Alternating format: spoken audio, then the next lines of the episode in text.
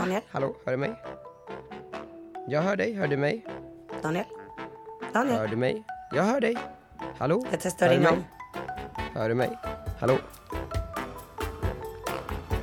Hör du mig? Ja, nu hör jag dig. Två sekunder, jag ska bara öppna fönstret. Ja. Hallå, varmt välkomna till en hes podd med Margot och Daniel. Alltså, när jag skulle säga första ordet i morse på Rish, bara hej en bokning. Folk bara ursäkta? Ja, du, du hade inte pratat med någon innan? Nej, alltså det är så också när man är liksom singel, skojar nej men alltså när man är, inte har sin partner hemma, man pratar ju inte med någon. Nej, nej, nej, nej, precis. Och så plötsligt då så kommer man till, till, ja, till någonstans. Och så Till Rish. blir man så förvånad över sin egna röst. Jag vet, men det är också ett bevis på att vi haft kul. Ja, och jag är stolt över dig för du hade riktigt kul sista kvällen. Nej men alltså jag vet inte vad som hände med mig. Och det är så sjukt, vi måste bara ge bakgrund, vi har ju spelat in den här podden två gånger. Eh, och det är ju för att vi, första gången var vi liksom mitt i Almedalen och nu är vi lite efter Almedalen och kan titta i backspegeln. Ja, Mitt i Almedalen så var vi fortfarande, jag hade ju inte kommit igång än med mitt festande och eh, hade inte släppt loss riktigt. nej. Så i förra podden som aldrig blev en podd så pratade vi lite om att, ja men varför du inte riktigt släpper loss. Så jag tänker att vi faktiskt kan börja där. Vi börjar där och det, det börjar väl någonstans med att vi, vi kommer till Almedalen du och jag i söndags kväll. Precis. och eh, har en, fullspäckad vecka framför oss där vi framförallt har två stora nedslag som ni vet och det är den här stora middagen och sen seminariet och sen har vi lite möten in between och paneler och sånt där.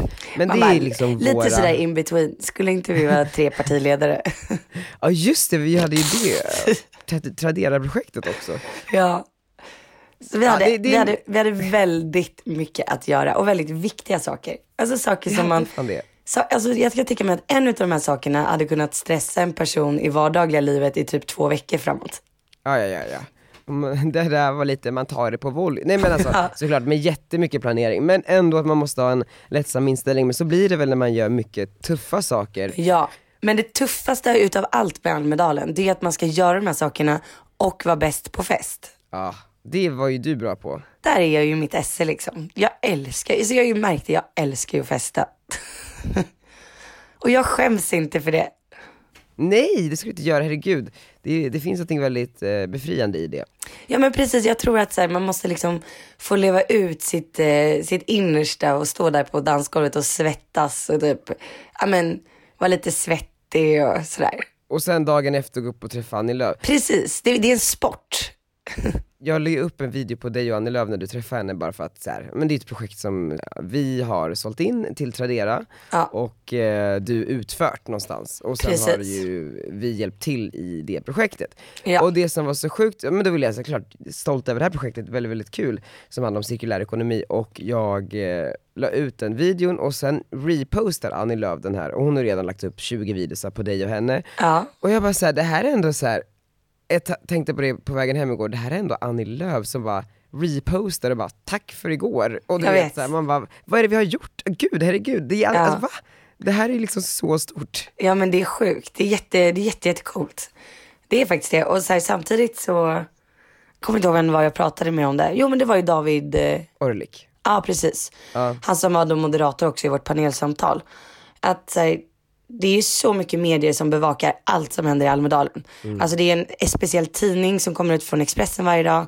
Det är här, Almedalen-upplaga, det är en Aftonbladet-upplaga. Eller det är det va? Det kanske inte. Eh, jag tror att Aftonbladet skippade i år, men Aftonbladet är ju verkligen på plats i alla fall. De är verkligen på plats och du vet så här, Expressen sitter där, det är TV4-soffan som spelar in från Almedalen, SVT, Sveriges Radio. Alltså man kan säga att det är fullt bevakat utav traditionella medier. Ja.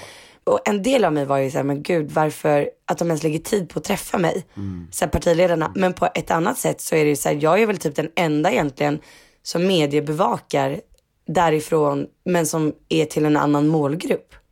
Precis, du är väl ändå någonstans, det är lite avvuxna för vuxna. Jag säger inte att vi är Mm. barn, eller vi, vi är verkligen inga ungdomar längre Margot, vi är ganska gamla. Nej, nej, nej. Men, Ja, vi är ganska men ändå gamla, liksom men- att involvera de lite yngre personerna och göra det på ett mer tilltalande sätt, alltså lättare att ta till sig för många, framförallt unga. Ja, men jag tror inte att de flesta sitter och läser om Almedalen annars. Nej, Alltså, det är väldigt elitistiskt. då, de artiklarna scrollar man nog förbi. Förutom kanske då talen liksom. Men det är väldigt elitistiskt på ett sätt, att här sitter vi liksom ett litet gäng människor och diskuterar liksom vad Sverige bör göra. Och eh, vad Sverige bör göra borde ju förslagsvis vara en diskussion som Sverige, där Sverige finns representerat med liksom alla typer av människor som bor på alla typer av ställen, som är i alla typer av åldrar och har olika typer av bakgrund. Men så är det ju inte. Nej, Vilket gör det väldigt speciellt, det är väldigt speciellt att vara på Almedalen. Men speciellt. vi hade ju en, ehm, alltså dag två, på tisdagen hade vi en stor middag, som ni har hört att vi bråkat lite om i podden, hur vi skulle utforma den och sådär. Mm. Vi gick på Margaux spår som var det lite mer festliga, inte liksom visitkortsdrinkar som jag hade föreslagit. Nej. Och eh, Det blev en succé. det blev så jävla bra. Ja. Det blev så jävla bra. Gästerna som kom, det var ju eh, det bästa Almedalen hade att erbjuda och vi är ju såklart väldigt hedrade Mm. för att eh, folk valde att komma. Det var ju liksom allt från Ashkan Poja som driver ett stort life science-bolag som heter Serendipity, Petter och i Stordalen, Gunilla von Platen. Gunilla- ja, eh, Nasdaq, det var ett fastighetsbolag som heter K2. Det var jättemånga feta människor, alltså då, feta som i att man har, eh, ja, feta på olika sätt. Och eh, nu, nu tryckte jag in mig själv i ett hörn där och kommer inte ut, hjälp mig. det du menar liksom fett coola. ja, sen så kanske någon var fet också, men det är ju också eh, inga konstigheter. jag är jättekonstig nu, ja. Ja, det är du. Men det är samma.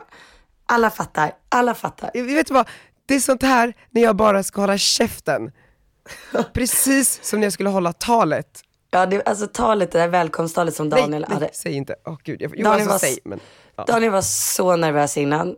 Och det sjuka är när du blir så nervös, då blir jag såhär, men gud, är det här så allvarligt? Du bara, jag måste öva. Jag bara, vad fan ska vi öva på? Du bara ska säga hej och välkomna liksom.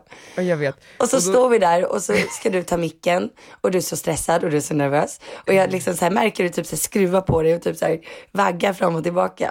Jag bara, "Ah, ja skitsamma, det här löser sig.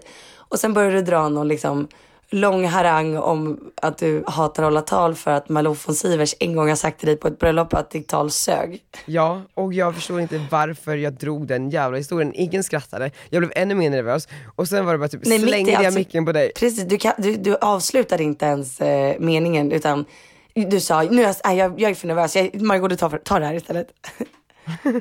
Det var ju gulligt. jävla- Det var gulligt. Ja, men jag är ju inte nervös egentligen, det är bara att jag liksom hakar upp mig på saker. Men alla, alla sa efteråt att det var gulligt. Ja men bra. Ja, så att det, och det var lite gulligt. Alltså det, det var, det var charmigt. Jag tyckte, det, jag tyckte det var en fin Daniel jag såg där. Ja, Och sen tog ju jag över då där och, och för det var ju pissdåligt väder den här dagen som vi skulle ha vår middag. Så att alltså, vi var ju också oroliga för att folk inte skulle palla komma. det var typ inga avhopp. Typ två kanske tror jag. Två stycken avhopp utav 90. Det är ju liksom, Det är väldigt bra betyg. det är fantastiskt. Och att folk stannade också. Ja, men och vet du vad det bästa är? Att så många kom fram till mig typ dagen efter och två dagar efter och bara det här var typ den roligaste middagen vi någonsin har varit på. Nej men alltså, Peter Stordalen skrek att det var den bästa bordsplaceringen han hade någonsin hade fått. Ja, och vem eh, var det tack vare?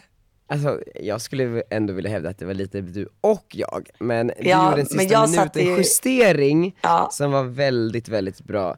Och eh, vi hade ju, man kan väl säga att vi hade två honnörsbord, alltså ett som var ditt och ett som var mitt. Ja. Det vi eh, hade placerat om vi liksom kanske jobbar allra tätast med, eller vill jobba allra tätast med, eller är mest imponerade av. Mm. Och Jag satte ju mig själv bredvid min största idol Lena Apler. ja, rivig. Du vet vad som hände med mig och henne? Nej. Vad hände? Nej alltså det var, det var, det var inget farligt sådär, men Lena Opler är ju en eh, Världens skönaste människa. eh, skitduktig eh, bankkvinna. Hon äger Collector Bank.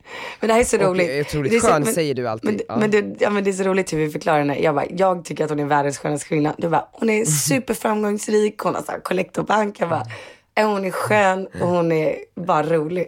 Vi har två infallsvinklar. Vad hände? Nej men och, och det är eh, just det här sköna som alla pratar om hela tiden och jag har inte riktigt upplevt det för att jag har aldrig pratat med henne ordentligt.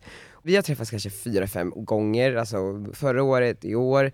Jag fastnar liksom inte på hennes näthinna. Hon tar inte in mig riktigt.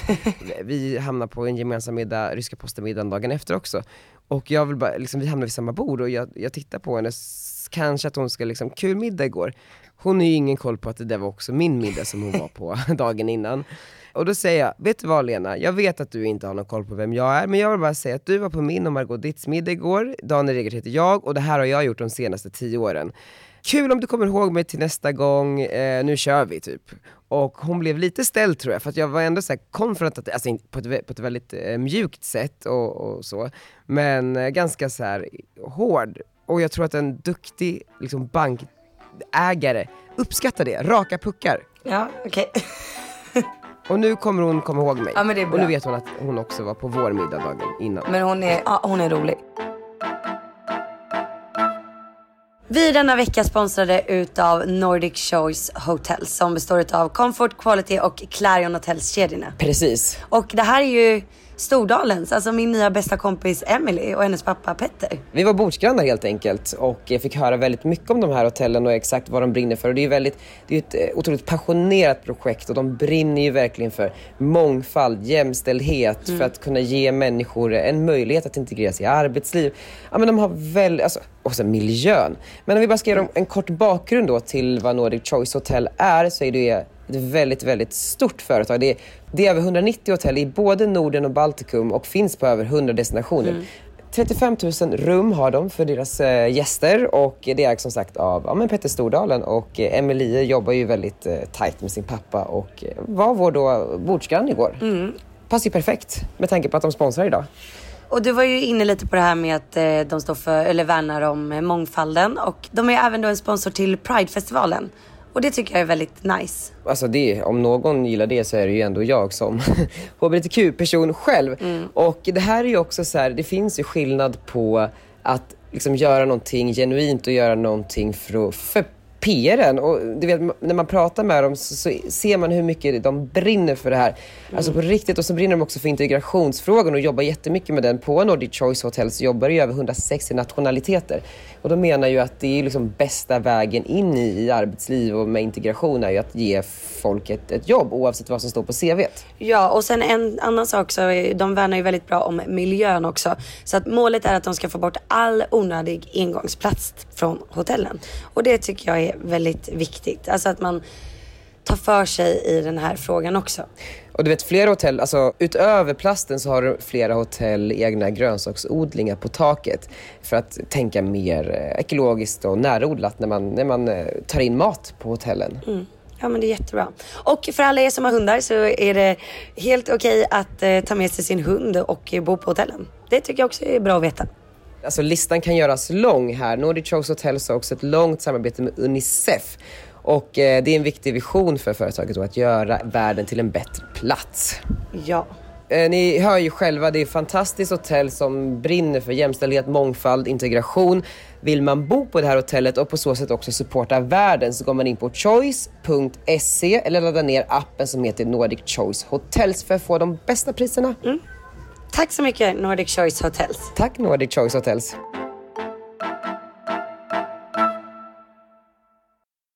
Ett poddtips från Podplay.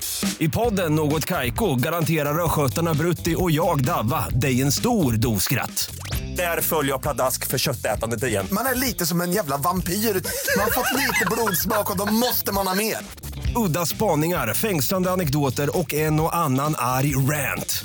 Jag måste ha mitt kaffe på morgonen för annars är jag ingen trevlig människa. Då är du ingen trevlig människa, punkt. Något Kaiko, hör du på Podplay. Därför är gardinerna. Nej, men jag, jag, jag, måste säga så här, Almedalen. Det finns ingenting roligare i hela världen.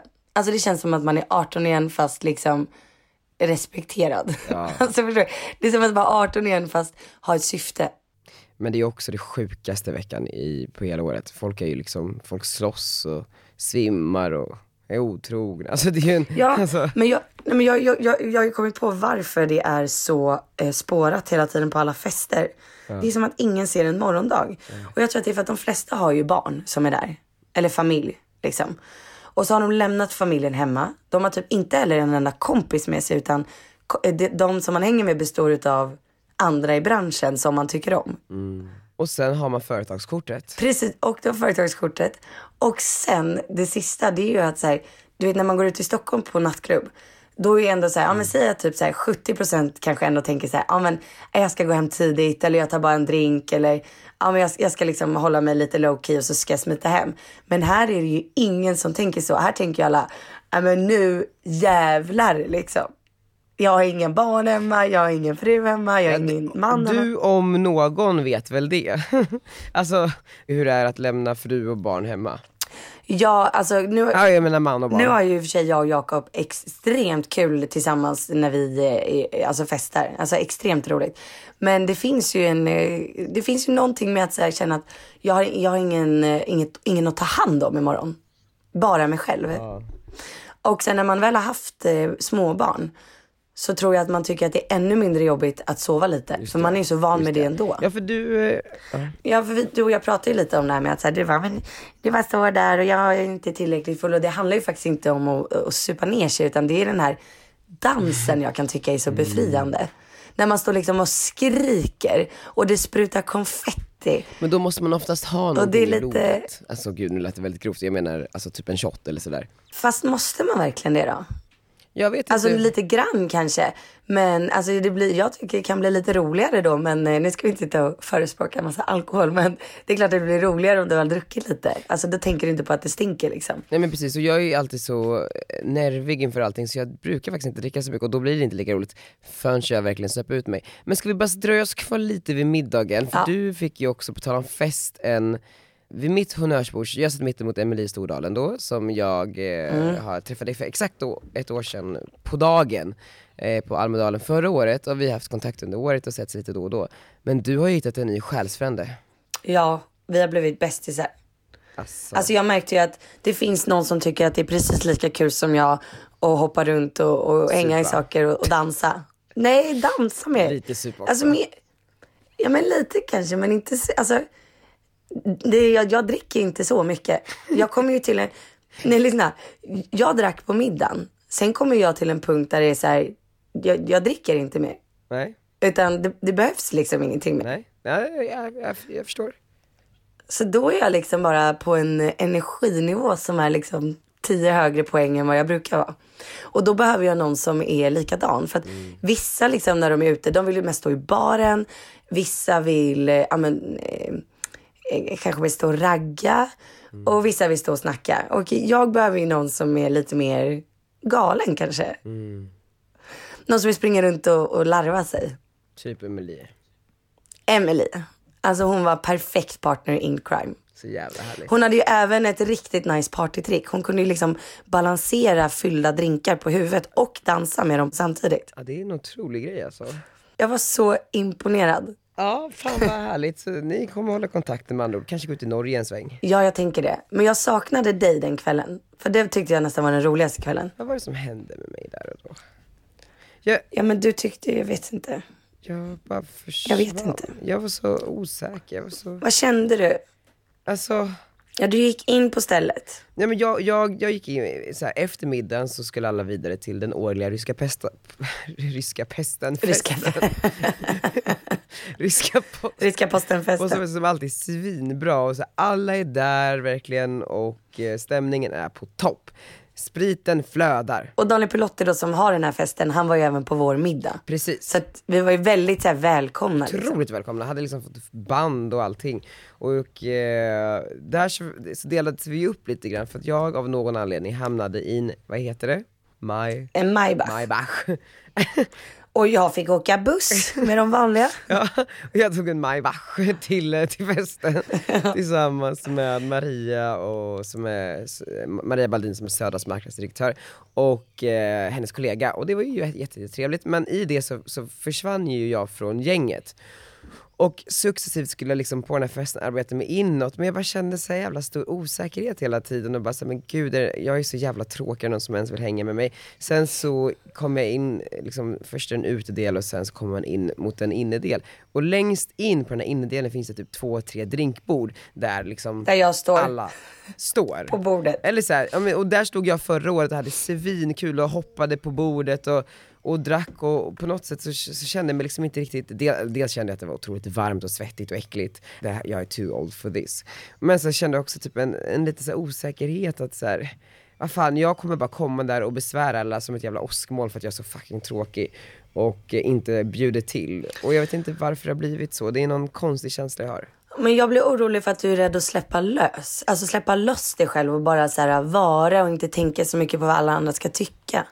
Ja men jag tror man kommer till en poäng där man känner att människor går från att så här, för förra året så kändes det som att vi liksom, eller jag, inte var typ ett hot mot någon, att, att folk satte sig eh, och, och tycker, men vad är det där för liten kul kille liksom, låt honom vara med och leka med de stora barnen. Men så kommer man till en punkt där man, det går lite bättre i karriären, man får fler liksom ögon på sig, kritiska ögon, folk som försöker hitta fel igen. Och då blir jag liksom automatiskt, eh, jag tar avstånd för att jag tror att alla bara vill hitta fel i det jag gör och hur jag beter mig. Ja. Ja. Och det var lite det som hände där. Du behöver en självförtroende boost. Vad var det för skillnad mellan självförtroende och självkänsla nu igen? För jag är bra på ett av dem och har dåligt ett, på ett sätt. Eh, Självförtroendet, är det då när man utifrån prestation typ tycker att man är bra? Jag tror att det är din självkänsla som är lite, Ja den suger tror jag. Ja nej men det suger den inte men den kan bli bättre. Och Alltså, det är det är när man typ så här, vad är det? Det jag tror att det är, det är väl mer liksom den uppfattningen du har om dig själv. Alltså det är väl mer vad som är i din hjärna liksom. Precis. Och vem man är du- du- utan liksom prestation typ. Precis. Ja. Exakt, självförtroende är prestation. För, ja det har jag ju gott Svårt, om. svårt där. Ja det är väldigt svårt det Det har du gott om. Där, det har du inga problem med. Har du självkänslan? Ja det har du fan. Ja, jag skulle nog kanske säga att jag är exakt tvärtom. Ja. Du är inte så eh, stark i din, eller du förstår inte om din prestation är bra eller ej. Nej, nej, och jag tycker aldrig att mina prestationer är tillräckligt bra. Men däremot, och det, men det är också det som gör att jag alltid gör mitt yttersta, yttersta, yttersta när det är stora saker som är viktiga. För att jag aldrig tycker att jag egentligen är tillräckligt, tillräckligt bra. Eller så här, jag tänker att det alltid kan vara bättre. Just ja. Och det, Och jag vet att så här, eller jag är alltid orolig för att inte kunna prestera när det väl gäller. Och det är väl min ångest. Alltså, och så har jag väl alltid haft det. Men en- när jag var yngre så kunde jag liksom strunta då i att göra vissa saker för att jag blev för stressad. Och det är väl här, vi, vi pratade lite om det i förra avsnittet, så när, för nu gör ju du så sjuka saker hela tiden, alltså stora saker som man bara säger herregud, alltså Mm. allt från att träffa politiker till att ställa dig på Kallis-scenen framför hela medie-Sverige, som den andra halvan i duon Samir och Viktor. Du tog ju liksom Samirs plats under Almedalen och sjöng tillsammans med Viktor och hoppade och, sku- och jag bara såhär, vad, alltså hur Ja, vågar jag var man? så nervös. Men du gjorde det. Jag tycker inte livet är för kort för att inte utmana sig själv. Och sen så här, ja, jag gillar att stå på scen. Jag gillar att och liksom ha roligt. Och sen älskar jag ju att utmana mig själv så att man får en liten kick. Så att om jag skulle typ tacka nej till att DJa på Kallis, absolut jag kan inte DJa, jag kan inte sjunga liksom. Men om jag hade tackat nej till det, då hade jag ju då hade jag säkert stått i publiken och så hade någon annan stått där istället. Och då hade jag känt så här, fan vad tråkigt att jag inte bara gjorde det där. Och det är en ganska ny företeelse i ditt liv, eller så här, relativt nytt att, att välja ja istället för nej. Ja men relativt. Alltså när jag var yngre, när jag var liten, alltså jag tror att jag tackade nej till vissa saker för att jag blev för rädd för att jag skulle liksom underprestera. Och då tackade jag nej och sen så fick jag sån ång, eller att jag ångrade mig så mycket efteråt så att jag, vad fan, så att jag nästan var sur på mig själv. Kan du komma ihåg Och den så, och så gången? kunde jag bli typ sur, ja men jag kunde typ bli sur på mamma också för ofta sen när man är liten så är mamma med. Och då kunde jag vara så efteråt, bara, varför sa du inte till mig att bara göra det? Hon bara, men det är ju ditt beslut. Också så här, du vet, hon har aldrig pushat mig. Så att jag har verkligen fått lära mig det själv. Utan då, då istället så missade jag saker. För att hon lät mig missa saker och inse det själv istället för att hon skulle pusha mig och tvinga mig att göra någonting. I efterhand, var det ett, ett bra sätt eller hur kommer du köra med honom? Kommer du pusha honom eller kommer du låta honom upptäcka för sig själv? Eh, ja, det, alltså det beror nog lite på hans personlighet också. Men jag, tror, jag tycker mig se att han är väldigt lik mig i sitt sätt. Alltså faktiskt. Eh, och i så fall så kommer han nog vara ett lite lugnare och mer försiktigt barn fram tills det vänder liksom. Men alltså jag kommer ju ihåg liksom när man var liten och typ, ja men jag var med, jag tävlade i friidrott och så till slut så här, vi åkte på tävling, jag var jättetaggad. Och sen i sista sekund liksom typ så här, två minuter innan loppet, typ 800 meter, så vågade jag inte springa. För jag var för rädd för att typ jag inte skulle klara av att springa i mål. Det är... Och sen ångrade jag mig jättemycket dagen efter. och du hade ganska många sådana incidenter. Ja men v- faktiskt. kommer du ihåg liksom ett klart moment när det switchade och du började säga ja? Ja men alltså det, det var nog på högstadiet som jag började få lite alltså så här, bra självkänsla. Eller så här, att jag bara, eller typ lärde känna mig själv bättre. Att så här, ja men jag vet vad jag vill, jag vet vad jag tycker är roligt. Jag vet hur, vad jag utvecklas utav. Och då, nej men det var väl någon gång där, eh, jag blev ju elevordförande typ i nian. Ah, wow. Ja, det var stort. För då, då satt vi där i aulan och så plötsligt så sa någon lärare, bara, ja men eh, vi tänkte liksom vilka är intresserade av att bli elevrådsordförande i år? Och jag hade inte ens funderat på, på saken innan, innan de ställde frågan. Och då var det du vet handuppräckning. Och jag bara, nej men eh, fan jag, jag räcker upp handen. Jag testar. wow. Och då blev Ja. det det. Jag blev det. Men, Det var jättekul. och det krävs ju någonstans att man så här, någon gång vågar och sen så händer det. För jag menar bara så här, hade du också räckt upp handen där och inte blivit, alltså inte ens eh, tilltänkt som elevrådsordförande, då hade ju det skadat din, din självkänsla kanske ännu mer, eller självförtroende, vad det nu än är. Ja men också att det var röstning, alltså det var öppen röstning. Alltså det är också lite sjukt. Det är väldigt sjukt. Men gud, Ja, det, nu när man tänker på det så är det inte okej. nej, det är så inte okej. Men i aulan liksom. Eh, Men alltså det är ju starkt då, alltså, men också fatta vad omtyckt det var. Ja, eller så, ja, ja, kanske. Jag tror att de andra eleverna tänkte att men då kanske det blir att det händer någonting. Lärarna var nog inte lika glada. Ja, alltså händer någonting i form av nu jävlar blir det fest, alltså typ så. Ja, för att det var ju även då eh, året som vi skulle ha niornas eh, bal. Så, och elevrådsordförande väljer ju även den som ska vara ansvarig för festkommittén. Åh herregud. Det blev bra, balen. Inga visitkortsdrinkar. Nej, alltså det var ju jag som styr, jag styrde ju upp den också. Ja. En otrolig elevrådsordförande och alltid varit bäst på fest, Margot Ditz. Nej, jo kanske. Jo, jag tror det. Ja, alltså jag hade jättegärna att vilja, alltså planera riktigt feta fester någon gång i mitt liv. Kanske finns en karriär som festfixare för dig. Ja, fast inte du vet så här events, utan Nej. privata fester. Alltså, Okej, ja, gärna mångmiljonfester. Eh, nej, jag skulle lätt kunna tänka mig att göra billiga fester, alltså typ korv med brödfester också. Det kanske är där din starka sida. Du är ju ändå en enkel tjej. Ja, nej men för att man behöver faktiskt inte en massa pengar för att göra en bra fest. Såklart. Vi är denna vecka sponsrade av Swappy. Det här är då världens bästa företag tycker jag eftersom att jag eh, tog sönder min telefon för inte så länge sedan. Eller jag tog inte ens sönder den bara sprack typ i min hand. Och det är ju väldigt tråkigt att behöva göra sig av med den för den var relativt ny. Och jag, alltså att köpa en ny telefon, Margot, vet du vad det kostar nu för tiden? Det kostar hur mycket som helst. Jag, jag fick en chock när jag gick in i, i Apple-butiken. Det var typ 17 000 skulle de ha för en ny telefon. Och då är ju Swappy så himla bra för där kan du ju köpa en begagnad telefon. Ja, och att köpa en begagnad telefon, då kanske man tänker så här, nej men det, det kommer inte funka, den kommer vara dålig. Men de har ju olika Det är ingen Nokia 3310 liksom. Nej, exakt. Och när man går in då och ska välja en iPhone så kan man välja olika liksom, nivåer på dem. Det finns nyskick, vilket betyder att den är ny.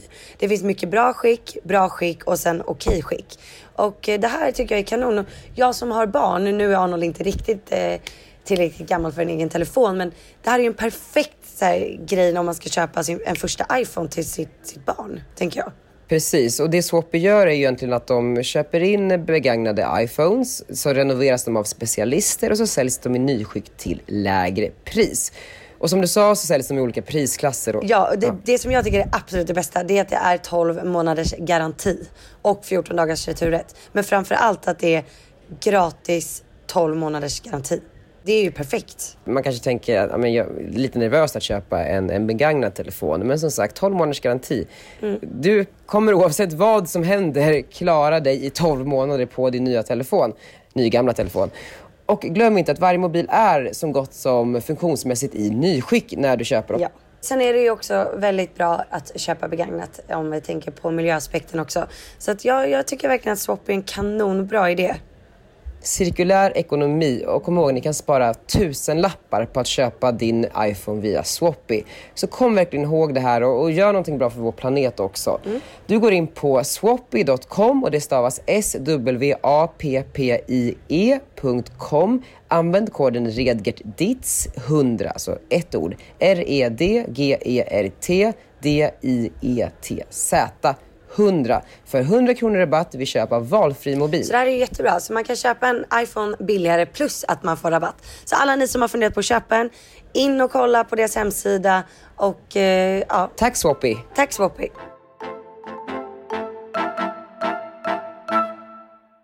Men du, alltså jag är mest taggad för nästa år. Alltså hur bräcker vi Almedalen? För vi ska bräcka Almedalen, det är, det, är, det är något som är säkert. Ja, men vi måste ju göra något mer och mer varje gång vi åker dit. Ja, men för, Alltså- precis, för, för utöver middagen hade vi också vårt seminarium där du och jag var vuxna dagen efter och eh, diskuterade ja, men influencers eh, roll i eh, näringsliv, myndigheter, politiken som var skitspännande och var ett av Almedalens kanske absolut mest välbesökta seminarier. Vilket var så roligt. Ja, det var helt otroligt. Vi var i ett samtal med David Orlik då som är innovationschef och vice VD på Prime, om jag inte är helt ute och cyklar nu. Och eh, Prime är ju ett eh, väldigt stort anrikt eh, företag. Sen så var det du och jag och sen så bjöd vi även upp Maria Baldin på Södra. Och eh, pratade om frågor som vi dock tyckte att det var synd att ingen, eller inte, inte jättemånga från liksom, myndighets-Sverige var på plats för att höra, för det var ju de vi ändå pratade till. Ja, men det var väldigt bra. Det var jättebra. Du var duktig. Du är så duktig verkligen. Jag är duktig när någon ställer mig en fråga. Alltså förstår du? Jag suger på att jag ska bara från ingenstans försöka hålla ett litet tal eller ett föredrag. Men om man ställer mig en fråga så kan jag ofta svara på den, vilket är väldigt, väldigt eh, soft. Och du svarar bra också. Tack. Du var jätteduktig. Du var jätteduktig. Jag var ju och tittade på ditt första seminarium, eller din första paneldebatt. Du var jätteduktig. Alltså du vågar säga vad du tycker, du är rak och tydlig. Pratar inte för länge. Alltså folk som samlar in i frågor, det är det värsta jag vet. Lite rolig också ändå. Och lite kul, ja du hade lite humor, lite glimten i ögat. Sen var det också kul för att mitt i den här debatten som du var med i, så den ena killen, han satt ju där och bara, ja, det är inte så att vi ser några influencers i Almedalen, de är ute och springer på events i Stockholm och köper kläder typ. Du bara, fast Margot står där. Jag bara, yes. Det var så jävla nice. Också alltså, så här coolt att det, det var så att du var ändå där Att jag stod där. och stod där för hela liksom, influencer-Sverige. Och eh, folk var ju väldigt, eh, är ju väldigt imponerade och det är kul att se att du är ändå så jävla het på Almedalen. Att jag är helt på Almedalen. Ja. Det vet jag faktiskt inte om jag är. Jo det är du. Det var ju också så kul på eh, dagen, eh, Expressen var ju bevakade vårt event. Expressens Almedalen edition, där det alltid är vimmelsidor från Men gud, jag har inte sett det här. Aj, aj, aj. men och då, då var jag såhär bara, gud, och undrar vårt event är med i tidningen idag då? Så gick jag direkt ut på morgonen och skulle eh, hitta eh, ett Almedalens exemplar och jag bara, nu lovar jag tänkte för mig själv att det kommer vara typ en stor bild på Margot här och bara, Margot ditt härliga middag typ. Jag bara, Ja. så, så, så bara bläddrar jag, det är mingel efter mingel efter mingel, slår upp liksom ett uppslag. Det är, alltså du är på riktigt uppblåst, alltså Va? över en halv sida, en jättestor Men bild. va, varför har inte jag sett det här? Nej, och jag bara, och så, så här, Margot bjuder in kunder och vänner på stor festmiddag. Jag bara, ursäkta? Eh, jag bara, det var jag som mejlade Expressen Nej, också. det är inte okej. alltså, och sen så, Nej. men så var det ändå en liten På bild på, på dig och mig. Det var en bild på Viktor Frisk, det var en bild på dig och mig, alltså som, lite mindre, och sen så var det en bild på typ Per Schlingman eller någon. Och eh, så stod Men det så här, ja men. Margot Ditz, influencer Daniel Redgert, Redgert, eh, Redgert eh, VD Redgert Koms. Och, eh, men ingenting om att jag också var med och hade festen. Jag bara, herregud. Buhu. Men alltså var det inte du som bokade in så att Jo. han skulle vara där och fota? Jo, alltså ursäkta. De kanske trodde så att Margot har middagen och så har hon anlitat Redgert Koms för att liksom. Men jag skrev också, jag och Margot Ditz har en middag i mejlet. Men eh, det, det, jag kommer komma över det här. Men nästa år ska jag se till att informera dem ordentligt. För det är ändå så kul, man vet ju att all, alla sitter ju och läser den här tidningen dagen efter på Almedalen. Vilken dag var det här då? Då ska vi se. Eh, Onsdag. 4 juli måste den ha kommit ut då. Ja, tror det. Den finns här på nätet tror jag. Ja, gumman går in och scannar pressklipp efter Ja, vet du vad? Jag tror jag, om jag är med i den här tror jag att jag var med i varenda en.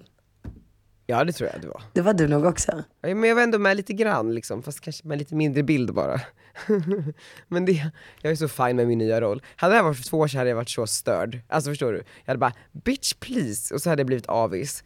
Men nu så... Nu garvar du istället. Margot, jag kanske håller på att bli bättre ändå med det där självkänsla, självförtroende grejen. Ja. Men gud, jag, ja. det kanske du, ja faktiskt. Nu skratt, du skrattar ju lite. Du har ju, du har ju så fastnat i dina pressklipp nu. Alltså, ja, du, du, ja, men det kom upp, det kom upp en hel sida där det står Löwengrip, jag vill lära mina barn ta selfies. Jag bara, kan de inte det? Ja. Eh, men du, Det var ju tråkigt att hon inte kom på vår middag. ja. Och tråkigt att vi hade middag samtidigt, vi visste ju faktiskt inte det. Det var ju tydligen en grej, alltså, det, det, alltså på bloggbevakningen. Vi måste faktiskt prata om det.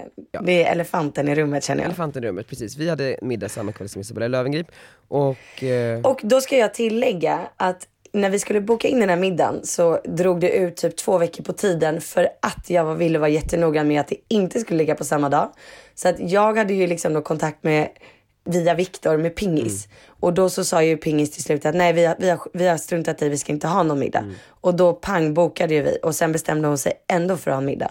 Precis, och då eh, tror ju nu att eh, folk att det är någon typ av konkurrens som har uppstått här och att vi slåss om gästerna och så. Men nu råkade det bara bli olyckligt att vi hade middag samma dag och Isabella var jätte, jättevälkommen på vår middag. Och Pingis och alla också såklart. Vi tycker att de är skitballa. Ja, verkligen. Hallå jag hittar inte det här klippet, jag vill ju se. Jag, jag tror att jag har en bild på det till och med. Nej det var den där andra bilden eh, dagen innan, det står eh, någonting om du och Ja. Ebba.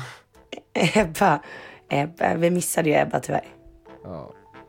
Ja. Men ehm, okej då. Kan inte du försöka hitta den där artikeln åt mig? Jag ska försöka hitta artikeln åt dig gumman. Tack så jättemycket allihopa för att ni lyssnade. We love you, skål. Ses på Almedalen nästa år. Puss. We love you a lot. Nu stänger jag av här. Bra.